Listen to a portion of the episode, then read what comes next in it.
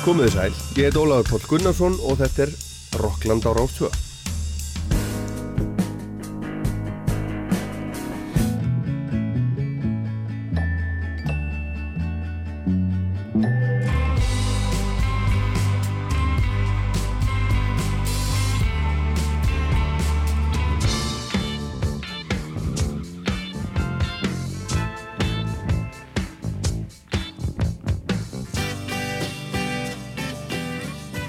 Þessum þætti í dag ætlum við að fara á Eurosonic Festival sem að fóru fram í Hollandi í síðustu viku.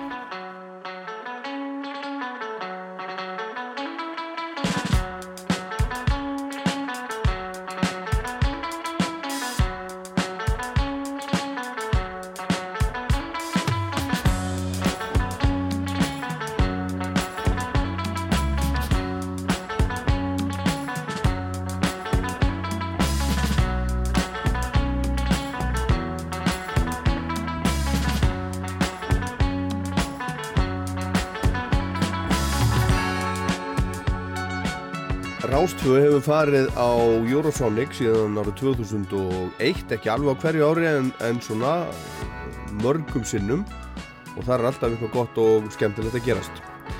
Eurosonic er tónlistarháttíð í anda Æsland Ervefs, þar sem músikbransin í Evrópu kemur saman. Mér finnst músikbransin reyndar vond og leiðilegt orð, en ok. En þetta er svo ekki bara músikbransin, heldur líka Pétur og Páll og Sigriður og Sofía í Hollandi. Þetta er haldið í háskólaborginni Króningen sem er í norður Hollandi, svona tveggja tíma lestarfærið frá Amsterdam í norður. Þetta er skemmtileg borg, mjög mikið er af ungu fólki, mikið af skólafólki og það litar mannlífið auðvitað, svo umunar. Hátíðin í ár var svo 38. í rauðinni og frá miðvíkudeginum 17. januar til og með förstudeginum 19. januar spiluðu eitthvað um 200 hljómsveitir og listamenn á hátíðinni ungt fólk og upprennandi á ýmsum aldri reyndar en nýjar og nýlegar hljómsveitir sem eru búin að sanna á heimavelli að það er sitt hvað í það spunnið og einstaklingar auðvitað líka, þetta er hljómsveitir og einstaklingar sem að hafa burði til þess að láta finna fyrir sér í öðrum löndum en sínulandi, svona út fyrir landamæri. Það er spilað út um alla miðborgina á börum, í leikúsum, á tónleikastöðum, svona rockbúlum, skólum, kirkjum og svo framvegis. Þetta eru cirka 30 staðir og þannig hafa fjölmarkar íslenska hljómsveitir spilað í gegnum tíðina. Háttíðin hefur verið stökkpallur fyrir ímsa út í heim, til dæmis Árni Margreði sem kom fram á Eurosonic í fyrra í nafni Rása 2 og fór svo aftur núna í ár til að spila en líka til að taka við verðlaunum sem að kallast Music Moves Europe Talent Awards. En þau eru afhenda á Eurosonic þeim tíu evrósku listamönnum sem best hefur gengið á undangengnu ári að vekja aðtegli út fyrir landsteina og mæri. En allavega, þessi háti býður upp á það ferskasta og mest spennandi í evróskri músik, dægur, tónlist, poppi, rocki, elektró og öllu því og ríkisútarpin í Európu þau eru, þau eru með í þessu, þau eru svona með í að búa til, til prógramið á þennan hátt að það er verið að svona tilnefna einhverst atriði á hverju ári hjá öllum stöðvunum sem að, að bókararnir sem eru svo, svo að bóka á háttíðina velja í rauninni úr. En er, þetta er mjög mikið af flottri músikarna og mjög mikið af efnilegu fólki sem á svo eftir að eftir að láta sig hveða og, og yfirleitt missir maður af mörgu að því besta vegna þess að maður er ekki búin að uppgöta það þegar maður er á sveðinu hvaða er skemmtilegt. Og svo er ekki hægt að vera á mörgu stöðum í einu og svona og svo átt að maður sá því setna að þetta band og þetta það var að spila og maður var þá einhverstar annar staðar og, og misti af og svona en það er bara eins og gengur. Og þau sem voru á Eurosonic í ár frá Íslandi voru auka árnýjar margreðar Gugusar Vjevaki sem hafði algjörlega farið fram hjá mér þángar til að ég hittu þau hérna úti og svo hljómsveitin Lón sem var eiginlegur fulltrúi Rásatfa. Við heyrum viðtal við Lón á ettir og upptökur frá tónleikunum þeirra á hátíðinni sem BBC gerði og við heyrum líka viðtal við Vjevaka og svo heyrum við líka aðra músik frá Eurosonic en það er að nóg að taka og þetta sem við höfum verið að heyra hérna undir er einn skemmtilegasta uppgötun ásins hjá mér hinga til, músikleg, þetta er hljómsveit sem heitir Yin Yin spilað á Eurosonic, er frá Maastricht.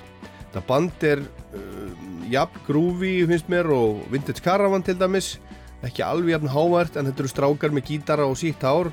Og þetta er svona einhvers konar grúf rock, þetta er rock en þetta minnir jafnvel stundum á Boney M eða þú og ég.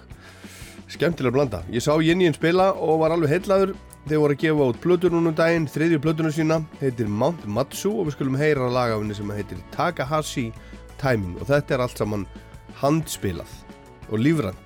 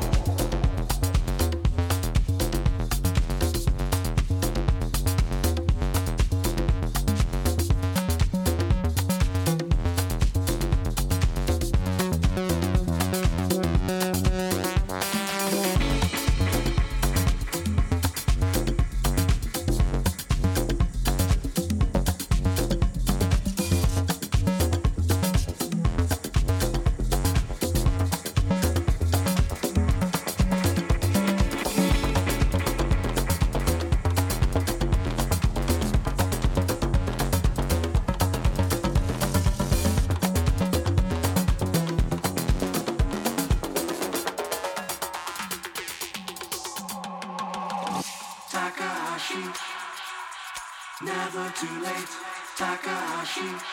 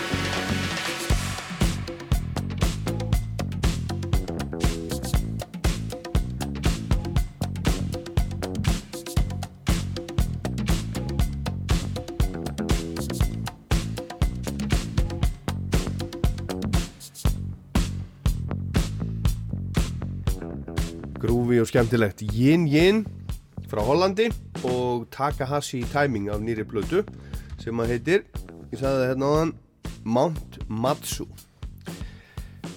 Hljómsveitin Lone var fulltrúur ásaldfö á Eurosonic Festival í ár en það er þannig að Ríkisútastöðunar í Európu tilnafnað að velja eitt atriði á hátíðin ár hvert í samráði við hátíðinu sjálfa og í áru var það sem sagt Lone. Það var árinni Margret í fyrra og einsunni var það Mínus, einsunni var það Lífs, Hjálmar, Múkísson, Dikta og svo framvegis og svo framvegis. Lone er tríó, Valdimar Guðmundsson og Áskir Adalsteinsson, félagur úr hljómsveitinni Valdimar og svo Ómar Guðjónsson sem er til dæmis í ADHD og þessi hljómsveit var til í COVID. Lón spilaði tvísvar á hátíðinni, fyrst á Vinsalu kaffehúsi sem er við hliðin á Vinsalli plötubúð og svo í Lútersku kirkjunni í Króningen sem var tekinni í nóðkunn 1696. Ég meldi mér mót við þá Lón Pilda í kaffehúsinu þar sem þeir voru að spila, það var svona off-venue, auka tónleikar fyrir um daginn. Fyrir aðalgikið við heyrum það hérna á eftir en fyrst skulum við heyra tvö fyrstu lögin af tónleikunum sem að BBC hljóður þetta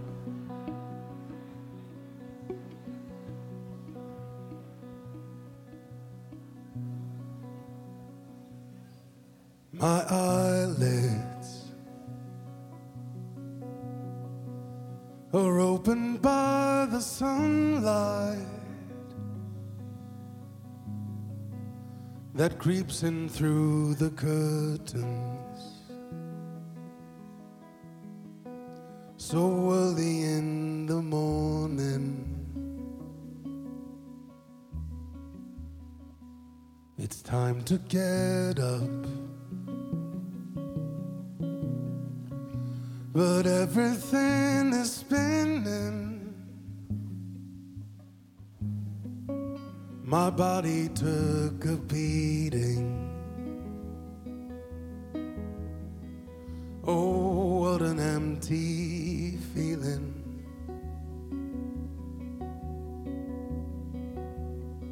As I search to find memories lost from my head. It fills me with dread. Guess I'll go back to bed. Oh.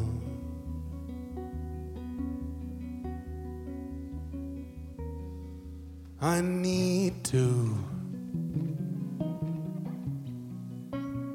lay a little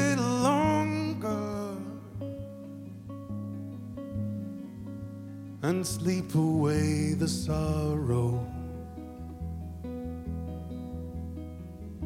I'll feel better tomorrow.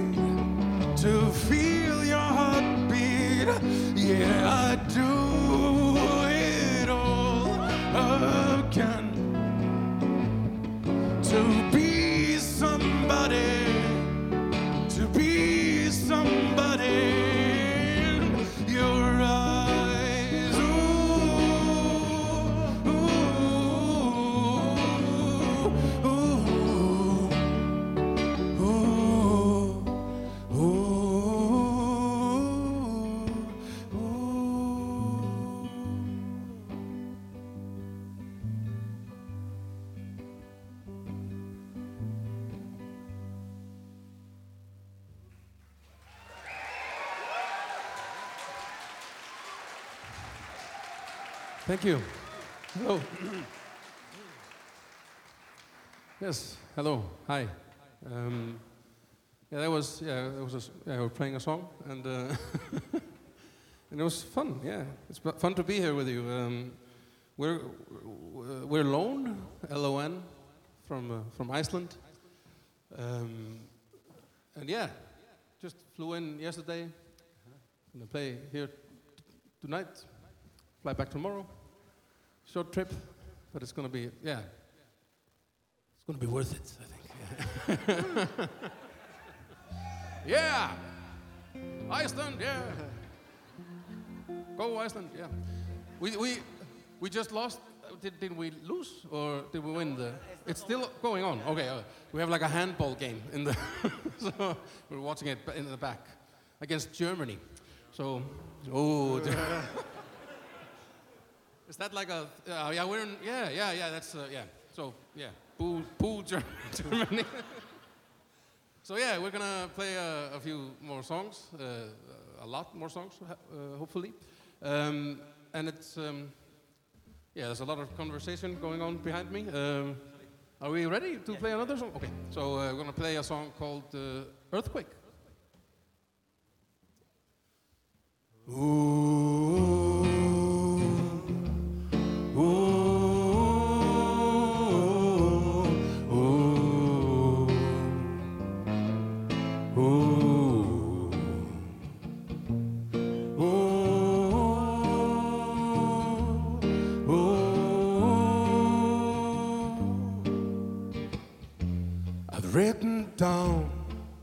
my thoughts. I've written down my innermost thoughts.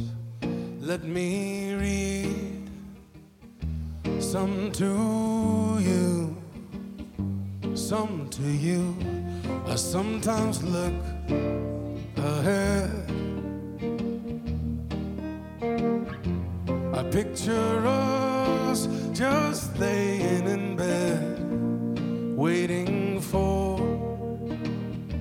kids to roar, kids to roar.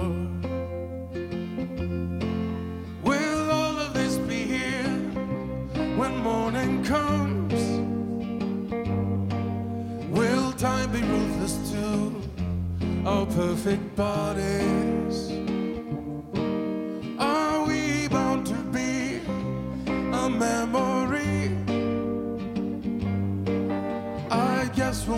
Know.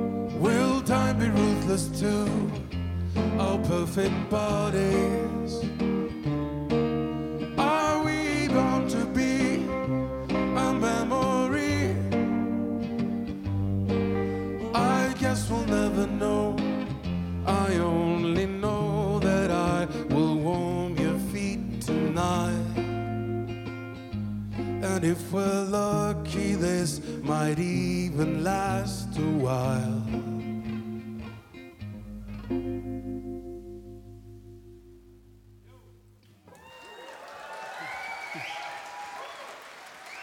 Thank you.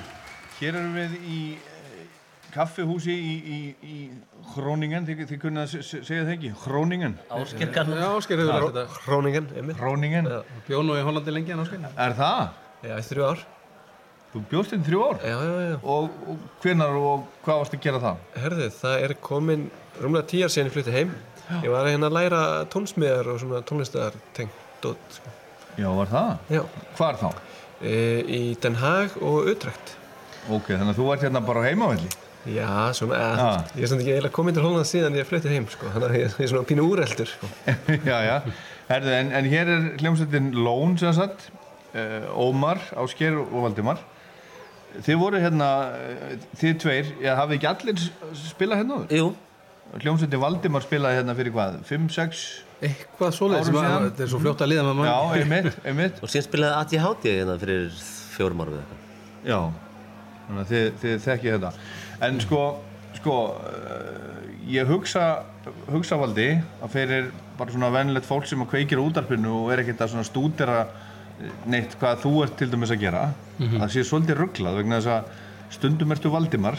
Guðmundsson, svo ertu stundum Valdimar Í hljómsveitinni, já, já. og svo ertu söngvari í þessari litli hljómsveit sem að heiti Lón. Já, já, þetta er, Hvaða ruggl er þetta eiginlega? já, þetta er bara, maður, maður langar að gera alls konar hluti og þarna, það var kannski bara fyrstu mistökið var að skýra bandið eftir mér, það kannski bjóð til mesta rugglingin í þessu öllu saman, sko. En, en þarna, já, já, við bara rúlum með þessu og bara fólk bá þá bara að vera aðeins ringlað og... Já, en, en sem sagt, Valdimar er ennþá til, já, já, hljómsveitin. já, já. Þið kannski þurfa að gera eitthvað í sambandi við, við nafnið, svona að setja A eða á kvolf eða Eða eitthvað svona. eða ég svona- bara, bara fæ mér nýtt nafn, kannski bara, það er Eða kannski... það, eða það. Ég vildi það alltaf, sko. Ég var alltaf að að hvetja valda til að finna sér eitthvað. Já. Er own name, sko. Heitir eitthvað annað? Heitir, þú heitir ekkert Valdimar Guðmundsson? sko, ég átti vist alltaf að heita Sveinn, sko, það var eitthvað svona sem var Þetta er komist, sko. Valdimar, Valdimar Sveit Valdimar Sveinn Guðmundsson, mig Og bara Sven, Svenni, eða eitthvað, það er eitthvað. Já. Það er kannski að prófa það.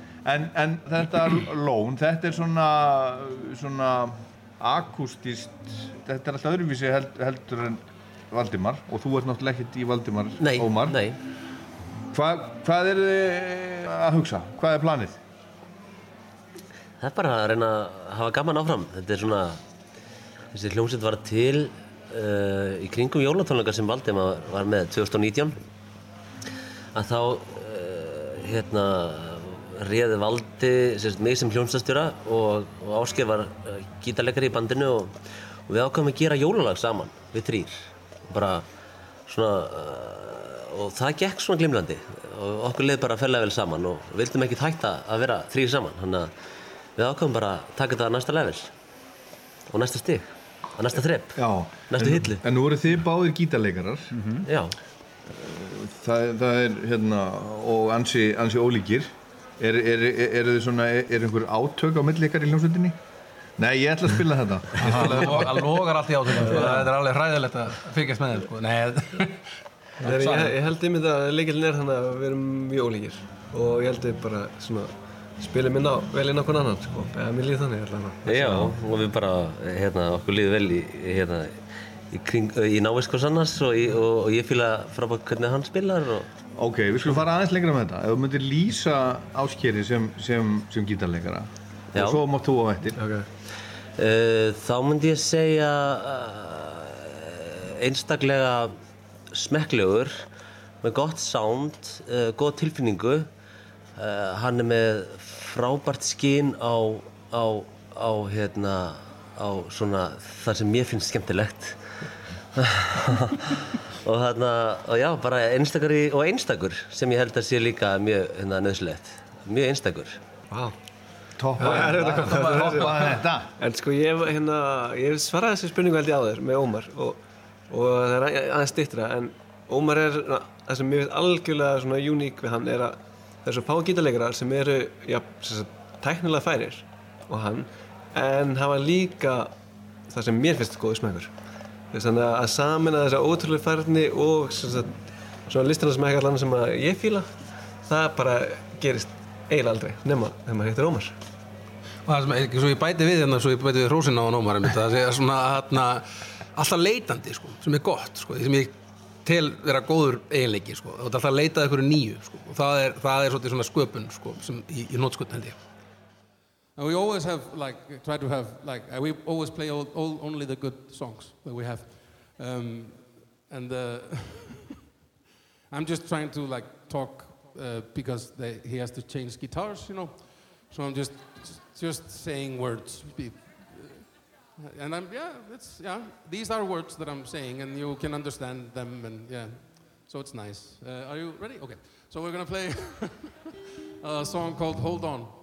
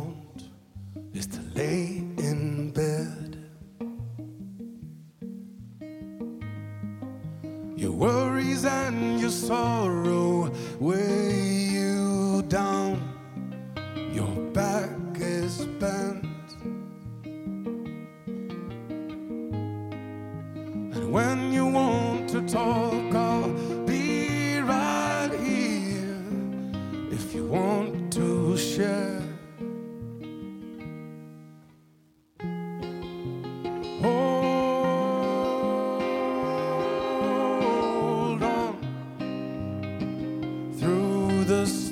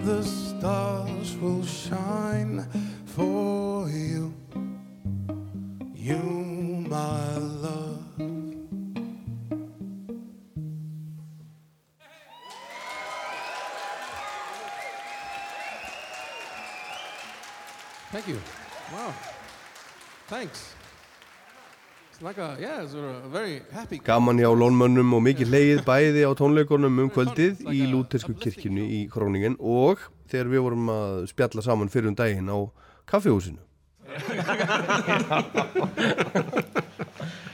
Nei, það er bara við hlægjum og brosum allan tíma.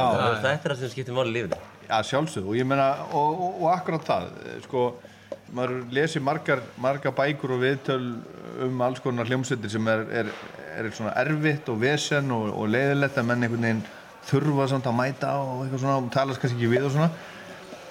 Haldið að sé, sé mikið um það ennþá eða er þetta meira svona bara góðu félagskapur og allir, allir svona Herði, ég held að peninga, Góður feeling. peninga rústa þessu öllu. Það er alltaf endanum þannig. að meðan það er ekki peningar í spilinu þá er bara, þá er, þá er, það var bara gaman já, eða bara hætta þessu. ef það er ekki gaman. En, nei, ég segi svona, en, en það er örgulega, það, jú, maður heyrir hinn og þessar sögur um, um hinn og þessar hljómsveitir. En hérna, en einmitt, ég held að sé, síðan er, held ég, hver einstaklingur með sína preferensa hvort að hann geti þr- þrifist innan þannig veggja eða, eða ekki.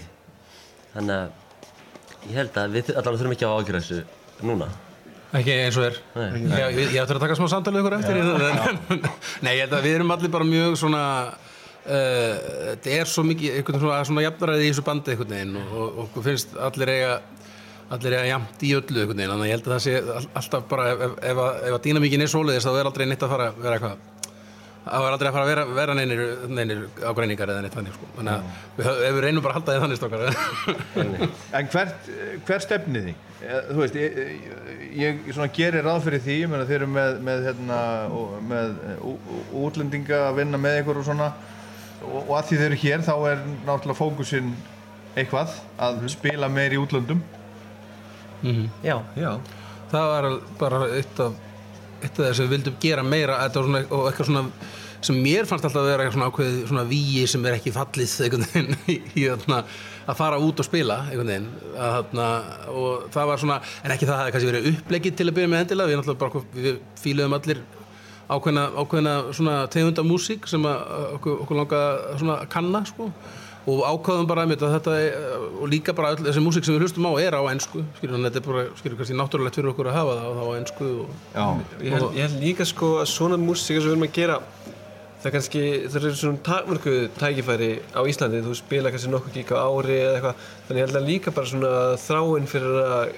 gera meira og oftar eitthvað saman sé svona sterk í að fara út og reyna að finna þar fólk. Þá getur maður að spila miklu oftar og, og svona haldið meiri hérna dampi frekar en ofta á Íslandi þú veist það er bara svona ákveðni póstar sem þú spilar og síðan þarf þetta bara að gera nýja plötu eða ætlar að koma aftur eða eitthvað Yeah, thank, thanks, thanks a lot. Yeah, thank oh wow, wow, so much love, um, uh, and we love you. Um, uh, next song. Uh, what, what is the next? Uh, my father Uh, it's a that's a that's a good one. Uh, it's called uh, My Father.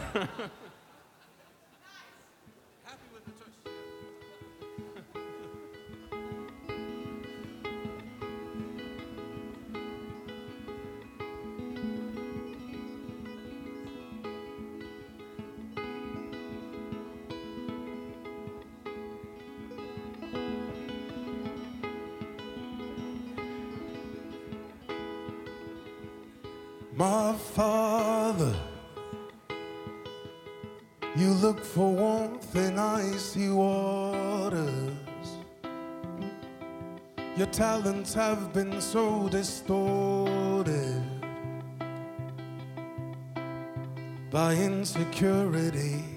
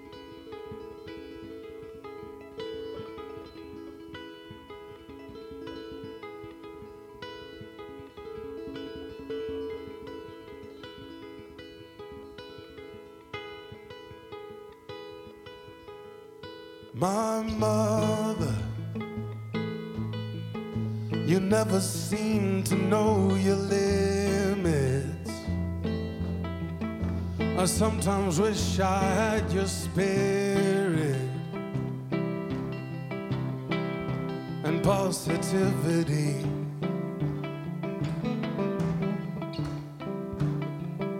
But I know that your words can swiftly turn to daggers. And it's hard to see if you're my friend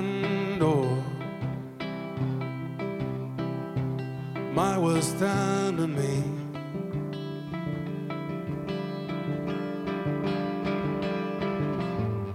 All your kindness, all your beauty and all of your tears, all your heartaches, all your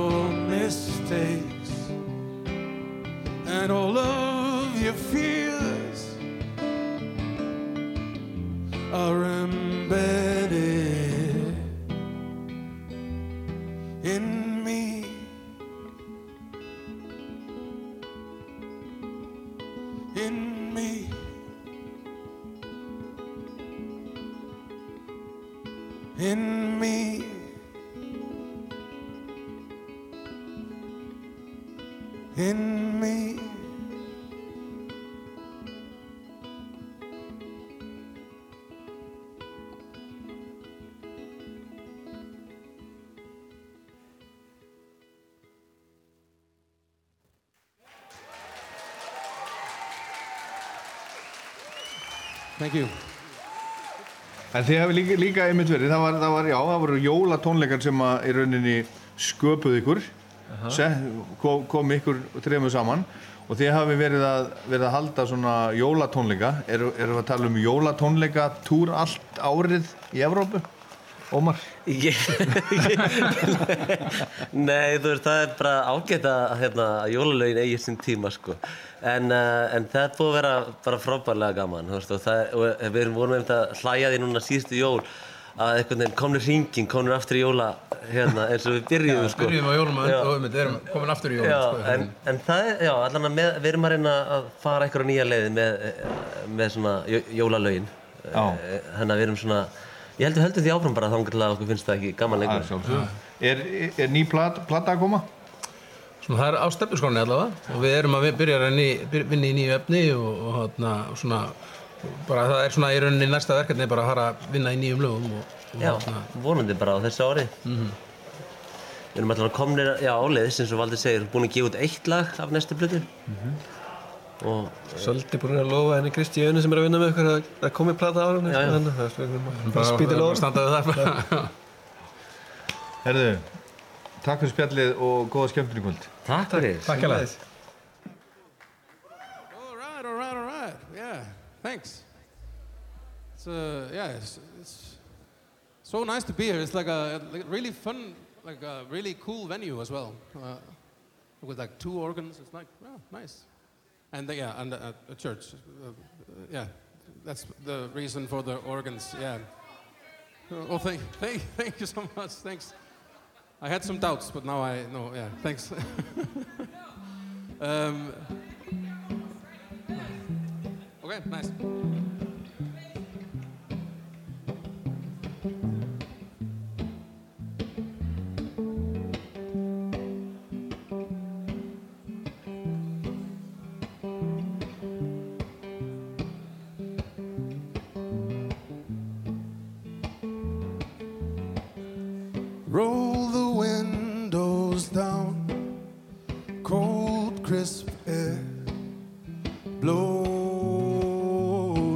Yesterday away.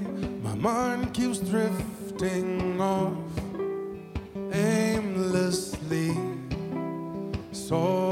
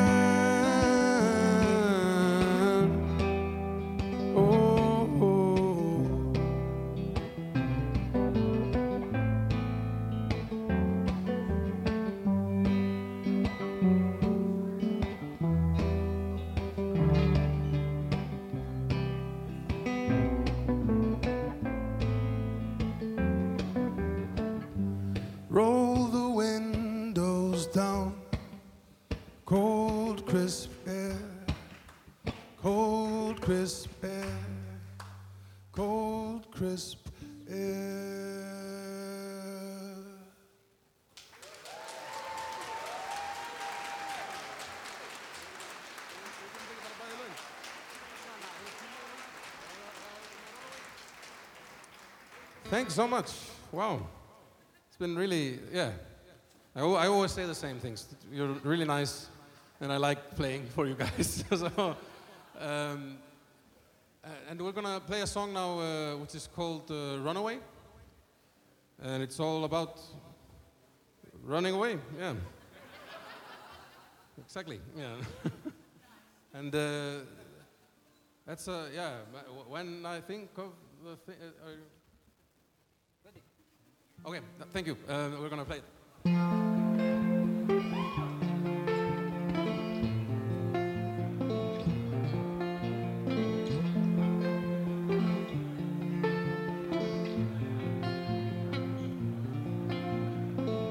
Tired street lights, trying to pull away from the ground, waiting in line to kill the time.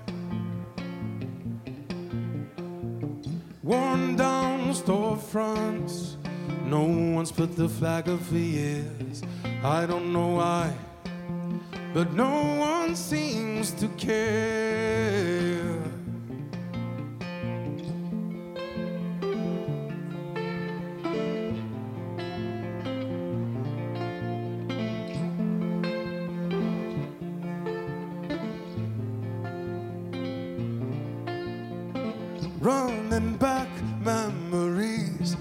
Place never felt like a home. Playing a role that was never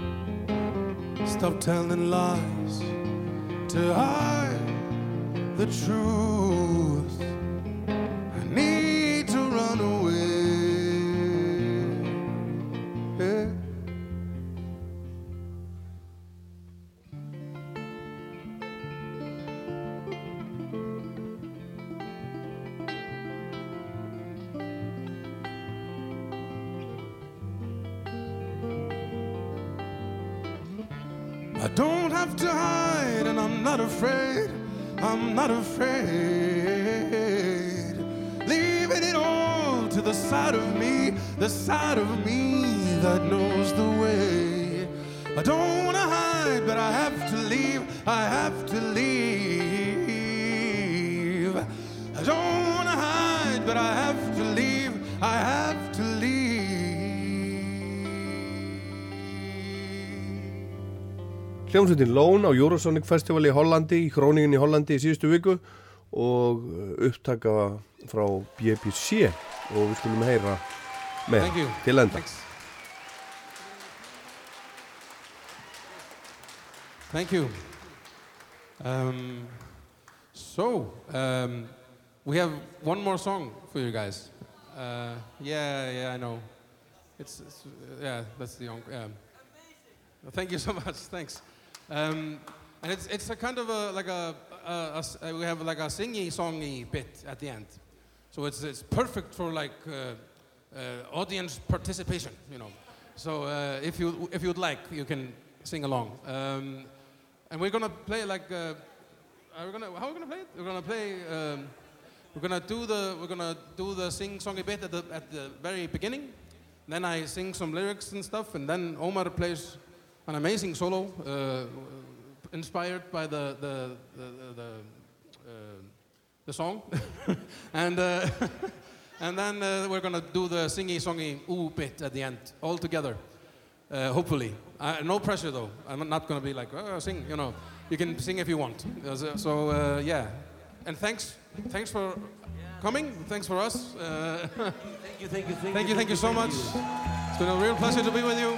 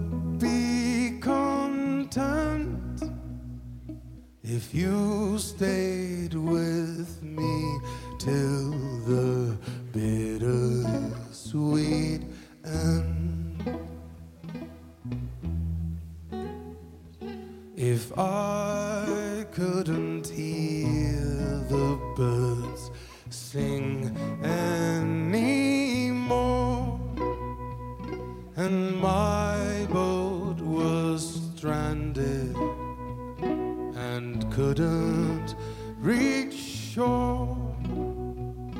I would stay calm. I would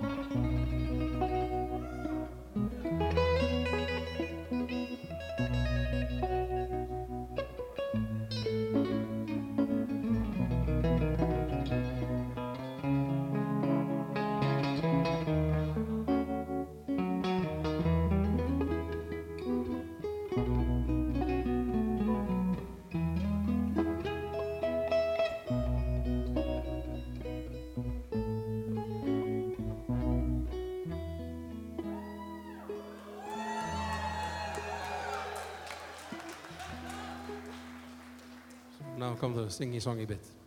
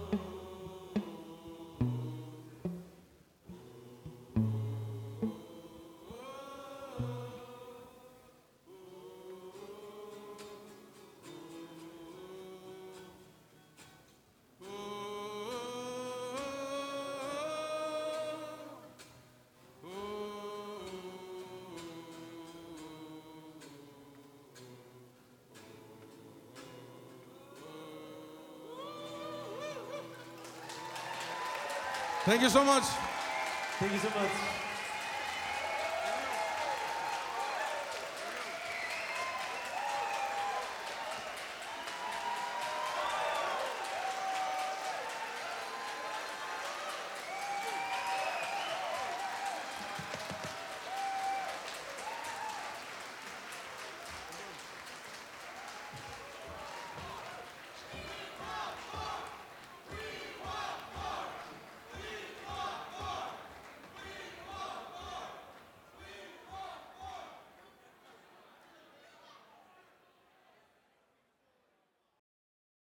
Við erum náttúrulega Sigurós og ég heiti Ján Þór Bergesson, spilur á gítar og syng. You, you don't sing Child in Time anymore. No, it put me in the hospital. Þetta er bara eitt flatasta músika sem ég man eftir. Rockland. Svo fórum við í heimsók til Bubba í stúdíóið sem var að vinna í Ísfjarnarflóð. I'm Nick Cave. I'm uh, the lead singer of the band The Bad Seeds. Ég lendi þarna í upphafi myndbandabildingarinnar og Og maður bara svona veit 10-0, þú veist. Og svo kemur fer maður heim og hlustar á og þá var það um. This is Rockland in Iceland on Icelandic Radio 2 with Fatboy Slim.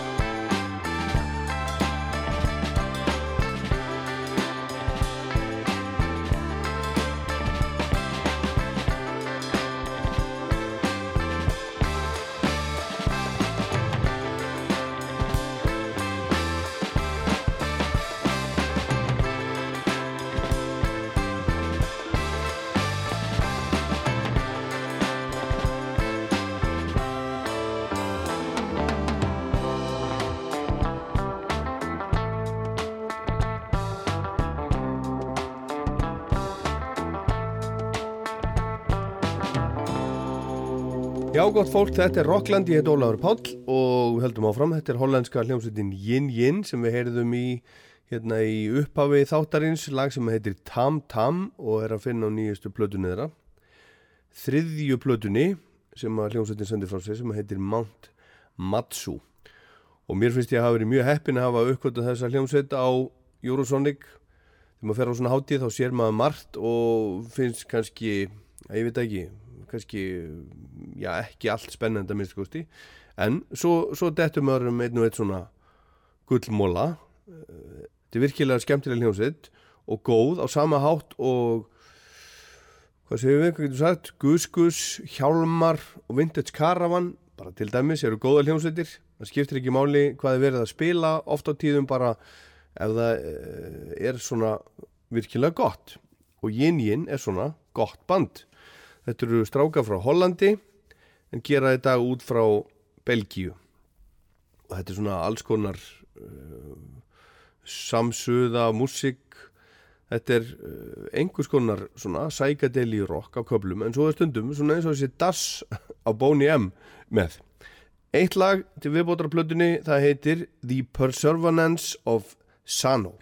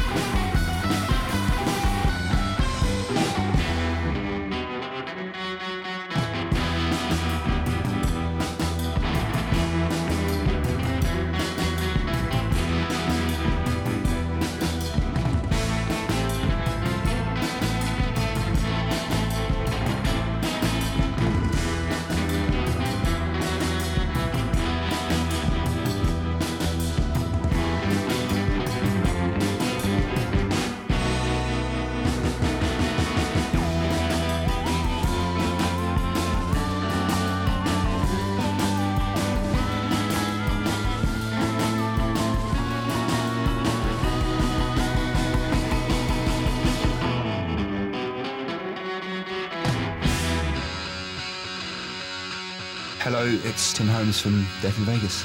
Hello, this is Richard Fearless from Death in Vegas. Aisha.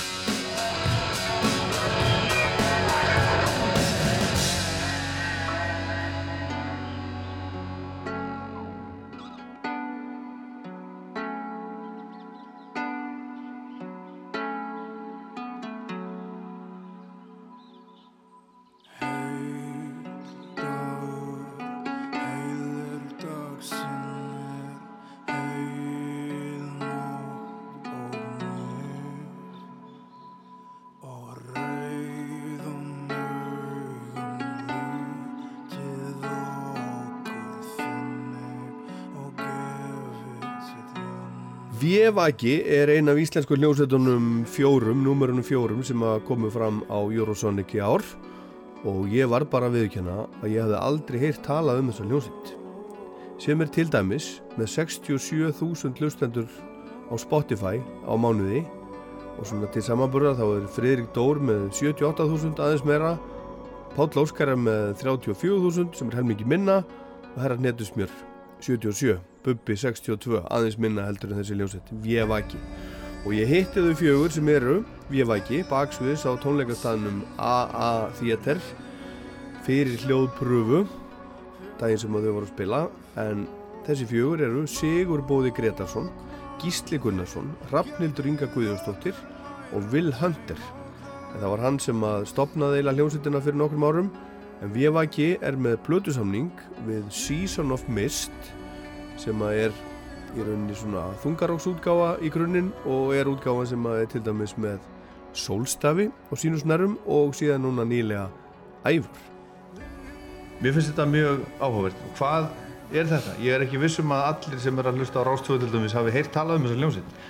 VVG, en þeir eru samt með til dæmis Þeir eru með fleiri hlustendur á Spotify til dæmis heldur en Bubi Mortens sem dæmi Já, ég vissi það ekki.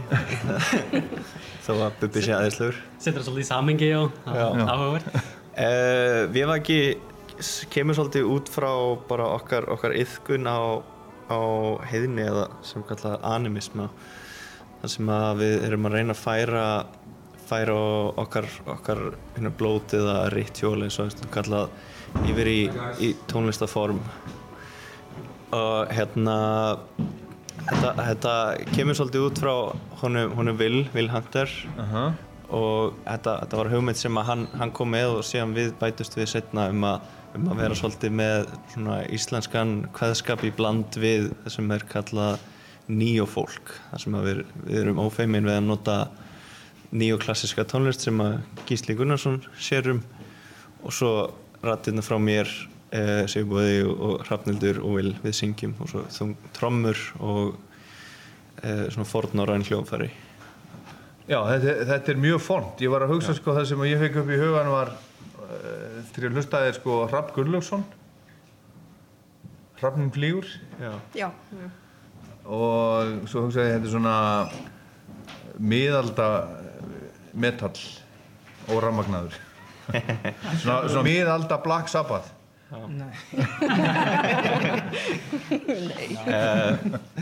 það, það, það er áhugaverðnangun hérna, þessi áherslan er, er mest á, á einmitt söngjun og þá veist, við einmest hefum notað fórið kvæði úr ettu kvæðum og fleira og svo líka bara frumsamið og þá reynum við að nota að ég sandi hérna, flesta textan hann um að Hrafnildur sandi líka um texta og þá nota gömlega aðferðinu við erum með hérna, hvernig það rýmar allt saman og hérna Gamla mátan í rauninni. Gamla mátan Já, sem er hvað þá?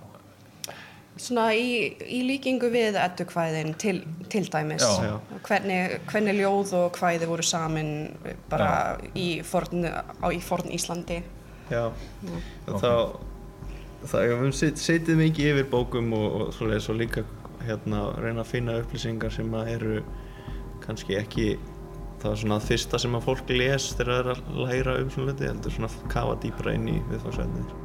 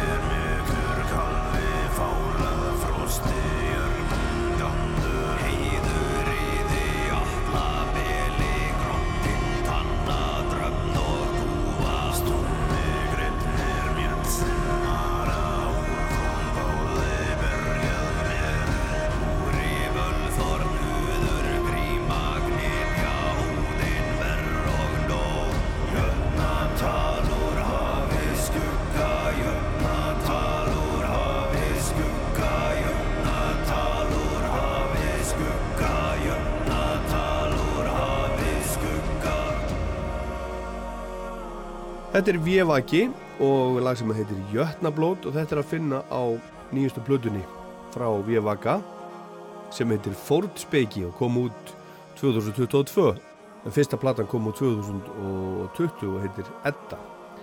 Will Hunter er leikilmaður í þessari hljómsveit Vjevaka, hann stopnaði hljómsveitina á samt Sigurbóða félagasinu I'd say me and Sirvoli um, were kind of the starters of it but he Yeah. was more he was being shy in the background for the first time And where do you come from and, and, and where does this come from? Uh, so I come from New York originally, um, but uh, you know this um, these animistic beliefs and Ausutru and the like are worldwide at this point. Um, so I came to Iceland in 2016 um, just because I wanted to visit and see where all these beautiful sagas and stories are from, and that's when I met Sirbode, and uh, yeah, and we just sort of started jamming and playing music together, and um, Like like like jamming how with with with, with with drums, drums and, drones. Yeah, singing uh, verses from at the Etequaide and We went into like a, that. uh, a secluded cave just Yeah. to. Just, we sat there for like three hours just Yeah. jamming. But we, when we first met, we talked about kind of our more spiritual beliefs, and uh, we kind of aligned on how we viewed the world and, and those things. And uh, I think one of the first days we met, we went to um, uh, Uh-huh. uh, Midsummer's Bloat. Um, and yeah, we just kind of saw eye to eye on uh, animism and spirituality and how it mixes with music and how music uh, is a way to bring forth these things. Uh-huh. Yeah. I would like to I would like to know how how it how how, how you got this interest living in New York. Yeah. Um, my what was the like the first touch? Um, I, I mean, my mother is uh, a very spiritual lady, and she raised me on lots of different mythologies. Um, but when I was a little kid, she introduced me to the, the runes. Um, Okay. And uh, so, um, yeah, I just fell in love with the mythology through through the runes, and uh, just wanting to, to read all of the stories and the sagas and Ayat Saga, and yeah, I just fell in love when I was young. And and you you live in Iceland now and sing in Icelandic. Yeah, uh, no, I live in the UK with my wife. She's British, so we decide to remain there for now because of Brexit. You have one. You have one foot in Iceland. I have one foot in Iceland. Yeah, I, I feel like I live in both places, kind of, but Uh-huh. I, I technically live in the UK. Okay. if, if the government asks. Já, en, en er ekkert erfitt að, að vera með hljómsveit þar sem að einn ein býr í Englandi?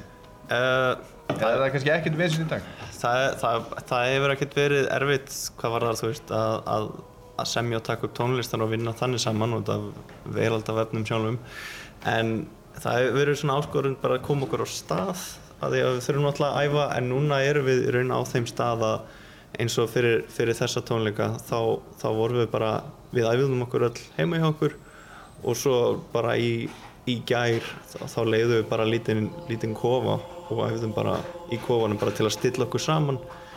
Þannig að það er ekkert svo erfitt fyrir okkur að, að vera með einn meðlum í Breitlandi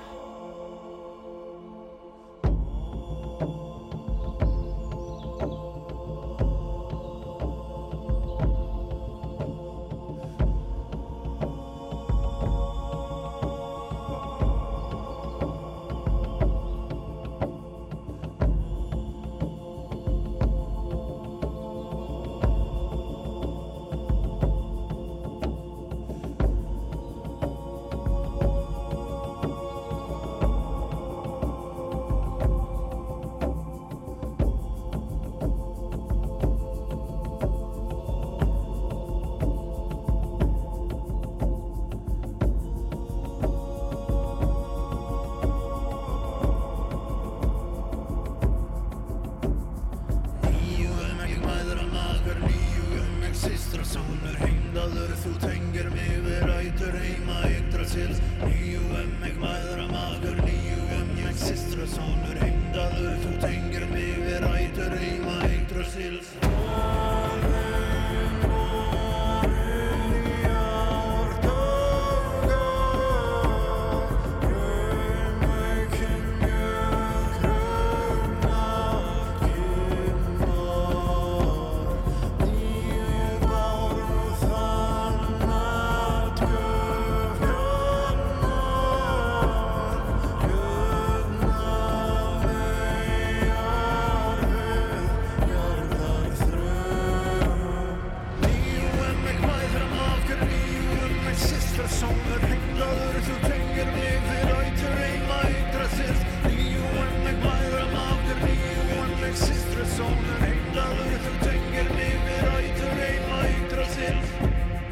Vjevaki frá Íslandi. Þetta er afskaplega svona þjóðlegt og fornt og skemmtilegt. Og þetta fólk fer ekki í búning þegar það fer upp á svið. Þau fara alla leiði í því sem þau eru að gera. Þetta rennur allt saman saman. Lífið, músikinn útlitið, trúin eða, heið, eða heiðnin. Og hvernig yfkamaður heiðni?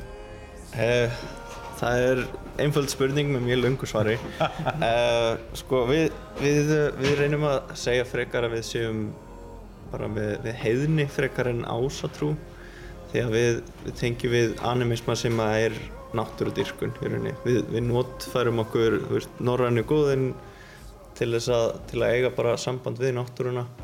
En animismi er grunninn af fleiri tungumálum en það trúabröðum eins og, og hinduism og fleira en bara fjölgiðstrúum og þá er það í rauninni bara okkar, okkar virðing og ást á náttúruna er, er komin yfir í að vera bara spiritualismi og trúabröð. Já, öll, öll guðin í norræni góðafræði eru í rauninni samheiti yfir ímsa þætti sem við kemur náttúru og, og bara, þú veist, ást og, og umhyggju og fjölskyldu og allt þetta. Það er, þú veist, hver, hver, hvert guð er yfir eitthvað ákveðið. Já. Þannig að við trúum kannski ekki bóstallega að Guðin séu til í, í líkamlegu formi heldur bara það sem þeir tákna. Sko. Aðeins um, um hérna músíkina, þú uh, skilja rétt að þú ert, þú ert svona tónskáldið? Já, ég er tónskáld, já, en ég myndi ekki segja þessi tónskáldið að baka tónlist. Þeir eru rauninni skrifa mest tónlistana vil og segjubóði en ég svona er svona central unity, þeir senda allan söngin til mín, þeir senda hljóðfærin til mín. Ég tek það saman, setja saman mixa það, bæti við öll sem ég bæti við sem eru alls konar strengir og sinnþar og alls konar vinna. Já. og já, bara bæti við dýnamík og þú skapar andrumsloftið í já, bara gef þeim heim til að lifa í, í rauninni, það, það er mjög takmarka svona hvað maður getur gert með þrjá, þrjá rættir, trommur og kannski tjóð hljóðfæri mestalagi, þannig ég reynir svolítið að bæta meira. Þetta eru svona trommur mm -hmm. eða já, ekki sem trommusett þetta eru bara Nei, svona, tvær, svona tvær trommur, trommur. Og, og hvað, svo sagt, eins og, eins og á, á svið, sviði hérna í Hollandi í kvöld. Það eru alltaf þrjá rættir, þau syngja öll í öllum lögunum alltaf í öllum lögunum eru trommur eða öllum einu. Svo er þetta bara svona form hljóðfæða takklarpa, uh, lýrur já. og það er svona hristur, já. og það er svona megin hljóðfæri lítil, lítil fólk hljóðfæri þannig að til að gefa þessu smá meiri stærist, meiri þyngd, meiri dýnamík þá bæti ég við bössum og Nei, ef við erum jörðin þá er, ert þú alheimurinn í kring Já, ég geði eins og svona heim utan um það sem en, ég gera En sem sagt, músikrammin, þetta er svona svona fimmunda eitthvað uh, Það er rosalega mikið um fimmundir hljóðfarnir er stilt í fimmundir Jú, það er enda rétt sko. Jú, ég reynir me meira bara að bæta við hljómum og svona til að gera aðeins meiri hreyfingu. Já að því að þetta er oft mjög oft mikið að dróna bara á, ró, á rótinni eða fimmundinni en til þess að gefa manni smá, smá release og smá meiri dýnamík þá bæti ég oft við hljómum hér og þar sko, sníkaði minn já, já. þannig að ég, ég er svolítið meira í því að reyna að íta því aðeins út fyrir á, á rétt momentum í lögunum að aðeins að íta, íta okkur frá rótinni sko. Eldur ís í fjarska. Fellur ís og aska Valnum hali Jötnar borni Fornorka tresi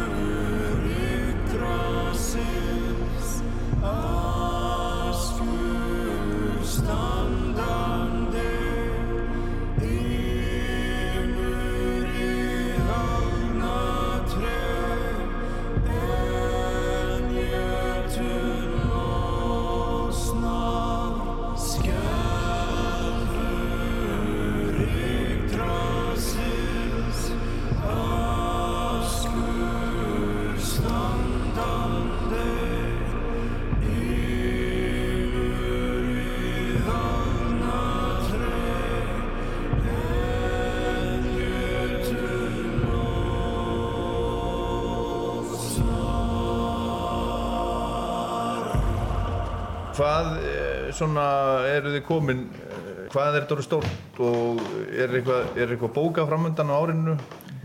Festival og Uh, það er erfitt að, vita hvað við erum stór en, en ég, það, er, það er í bígerð að, að spila, spila í sumar á hinn og þessu. Erum, það er þannig bara að vera það skipuleggja það. er, það er bara janúar.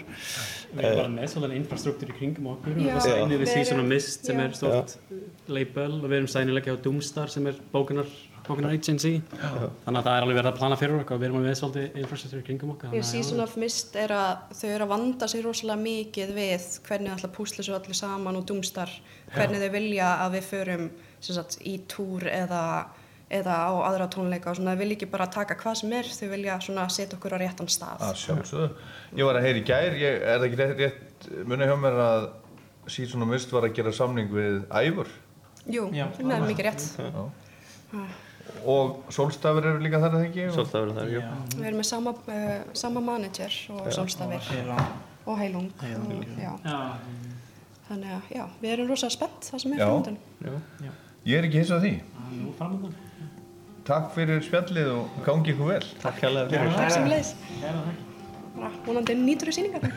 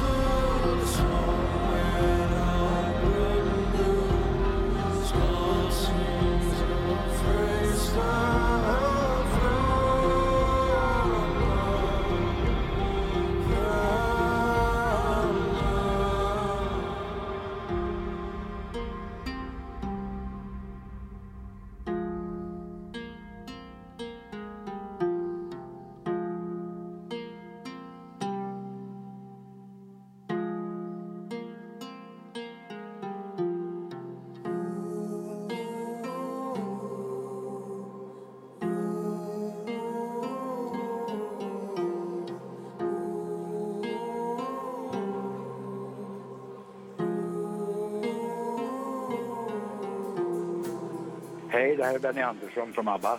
Ni lyssnar på Rockland.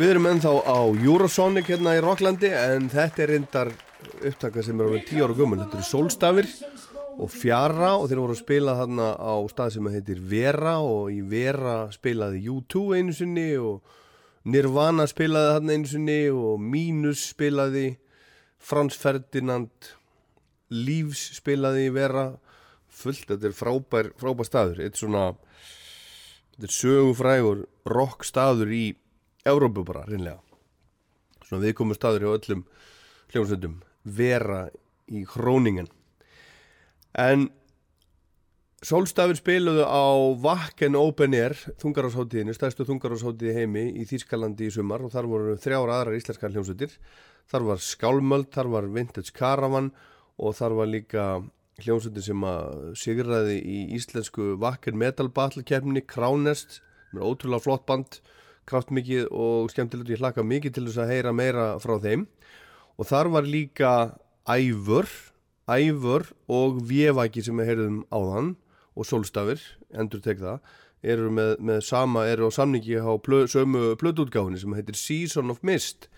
Svona er þetta. Og, og æfur uh, spilaði þess að á vakken það kemur kannski mörgum á óvart en svona er þetta. Uh, svona þungarasháttíðir eru þetta er svo rosalega orðið, orðið fjölbreytt. Þetta er alls konar metall og út í svona músik ég hugsa það kemur ekki óvart þó að, þó að ekki uh, myndi spila á vakken næsta sumar. Og Fosset Íslands var á vakken síðasta sumar. Og uh, ég var þar statu líka á samt tökumanni frá sjómarpinu og við vorum að taka viðtöl við íslensku hljómsveitirnar og forsvarsfólk vakken og, og fórsetan og, og þessi þáttur verður síndur á rúf einhver tíman svona þegar sól fer að hækka á lofti.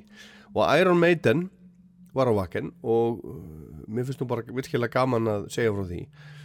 Ég ætla nú ekki að segja við uh, fórsetinu hefur verið saman á Iron Maiden þannig lagað en, en svona við stóðum ekki langt frá hvoröðrum og horfum á alla tónleikana með Iron Maiden á fyrstutaskvöldi í Slesvík Holstein það var ágættis veður en það var svona svolítið kallt og búið að rigna svolítið en það var mikil drölla og við vorum bara í gúmistífölum báðir og, og það var mjög gaman. En Bruce Dickinson úr Iron Maiden, söngverð Iron Maiden hann er að fara að senda frá sér soloplötu núna í mass fyrstu soloplötuna í 19 ár hún heitir Mandrake Project.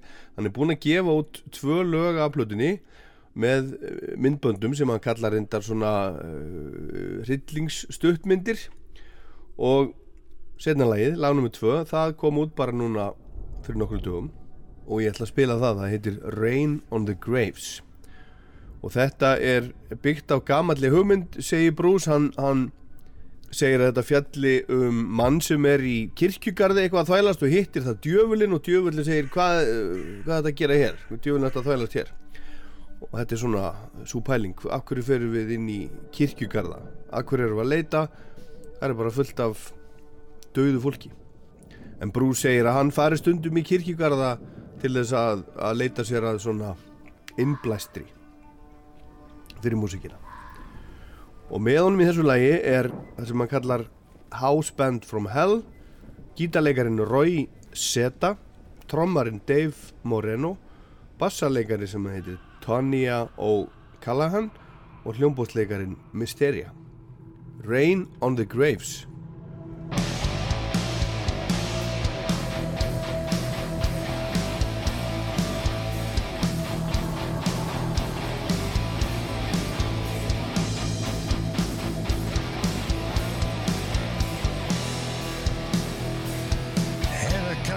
churchyard, I came across a man.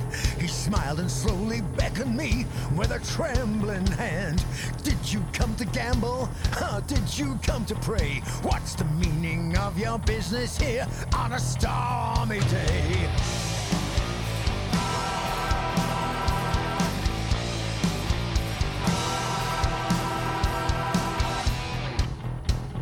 The raindrops spattered on the tomb from grey and leaden skies.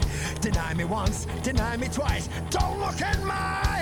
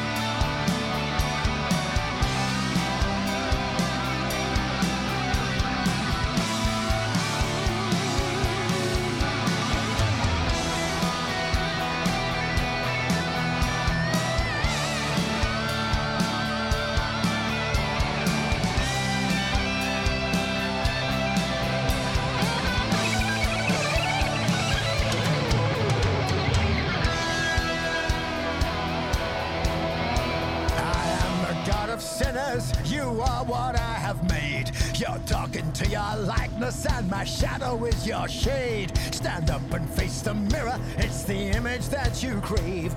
But I'll be here when you're long gone, I'll see you in that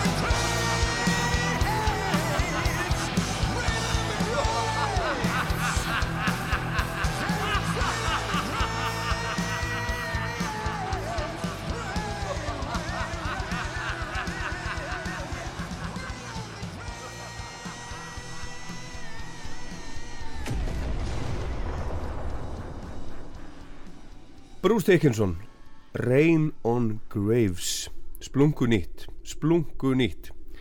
Það rignir oft á grafir en svo er ekki alltaf hægt að grafa þá látnu. Og sagan endur tekur sig með nýjum formerkjum á öðrum stöðum. Og ég ætla að enda þennan þátt á gamalli hryllingsögu litlu lægi um þjóðarmorð sem við krakkarnir sem 68 kynnslóðin eignaðist dönsuðum við á skólaböllum fyrir svona eins og 40 árum síðan. Við föttuðum ekkert endilega þá að það væri verið að syngja um þjóðarmorð. Myndbandi var fyndið, það var sínt í skonrokki svona indjána og bófa, svarkvít sínt rætt, skemmtilegt eins og lægið og hljómsveitin og öll hennar byrtingar mynd Iron Maiden og Bruce Dickinson aftur. Hlaupið til fjalla, hlaupið eins rætt og þið getið og þannig sleppið þið kannski undan morðóðu brjálaðingunum sem eru komni til að taka af ykkur allt sem þið eigið, landið og lífið. Ég heit Ólafur Páll Gunnarsson, verðið ykkur að góðu.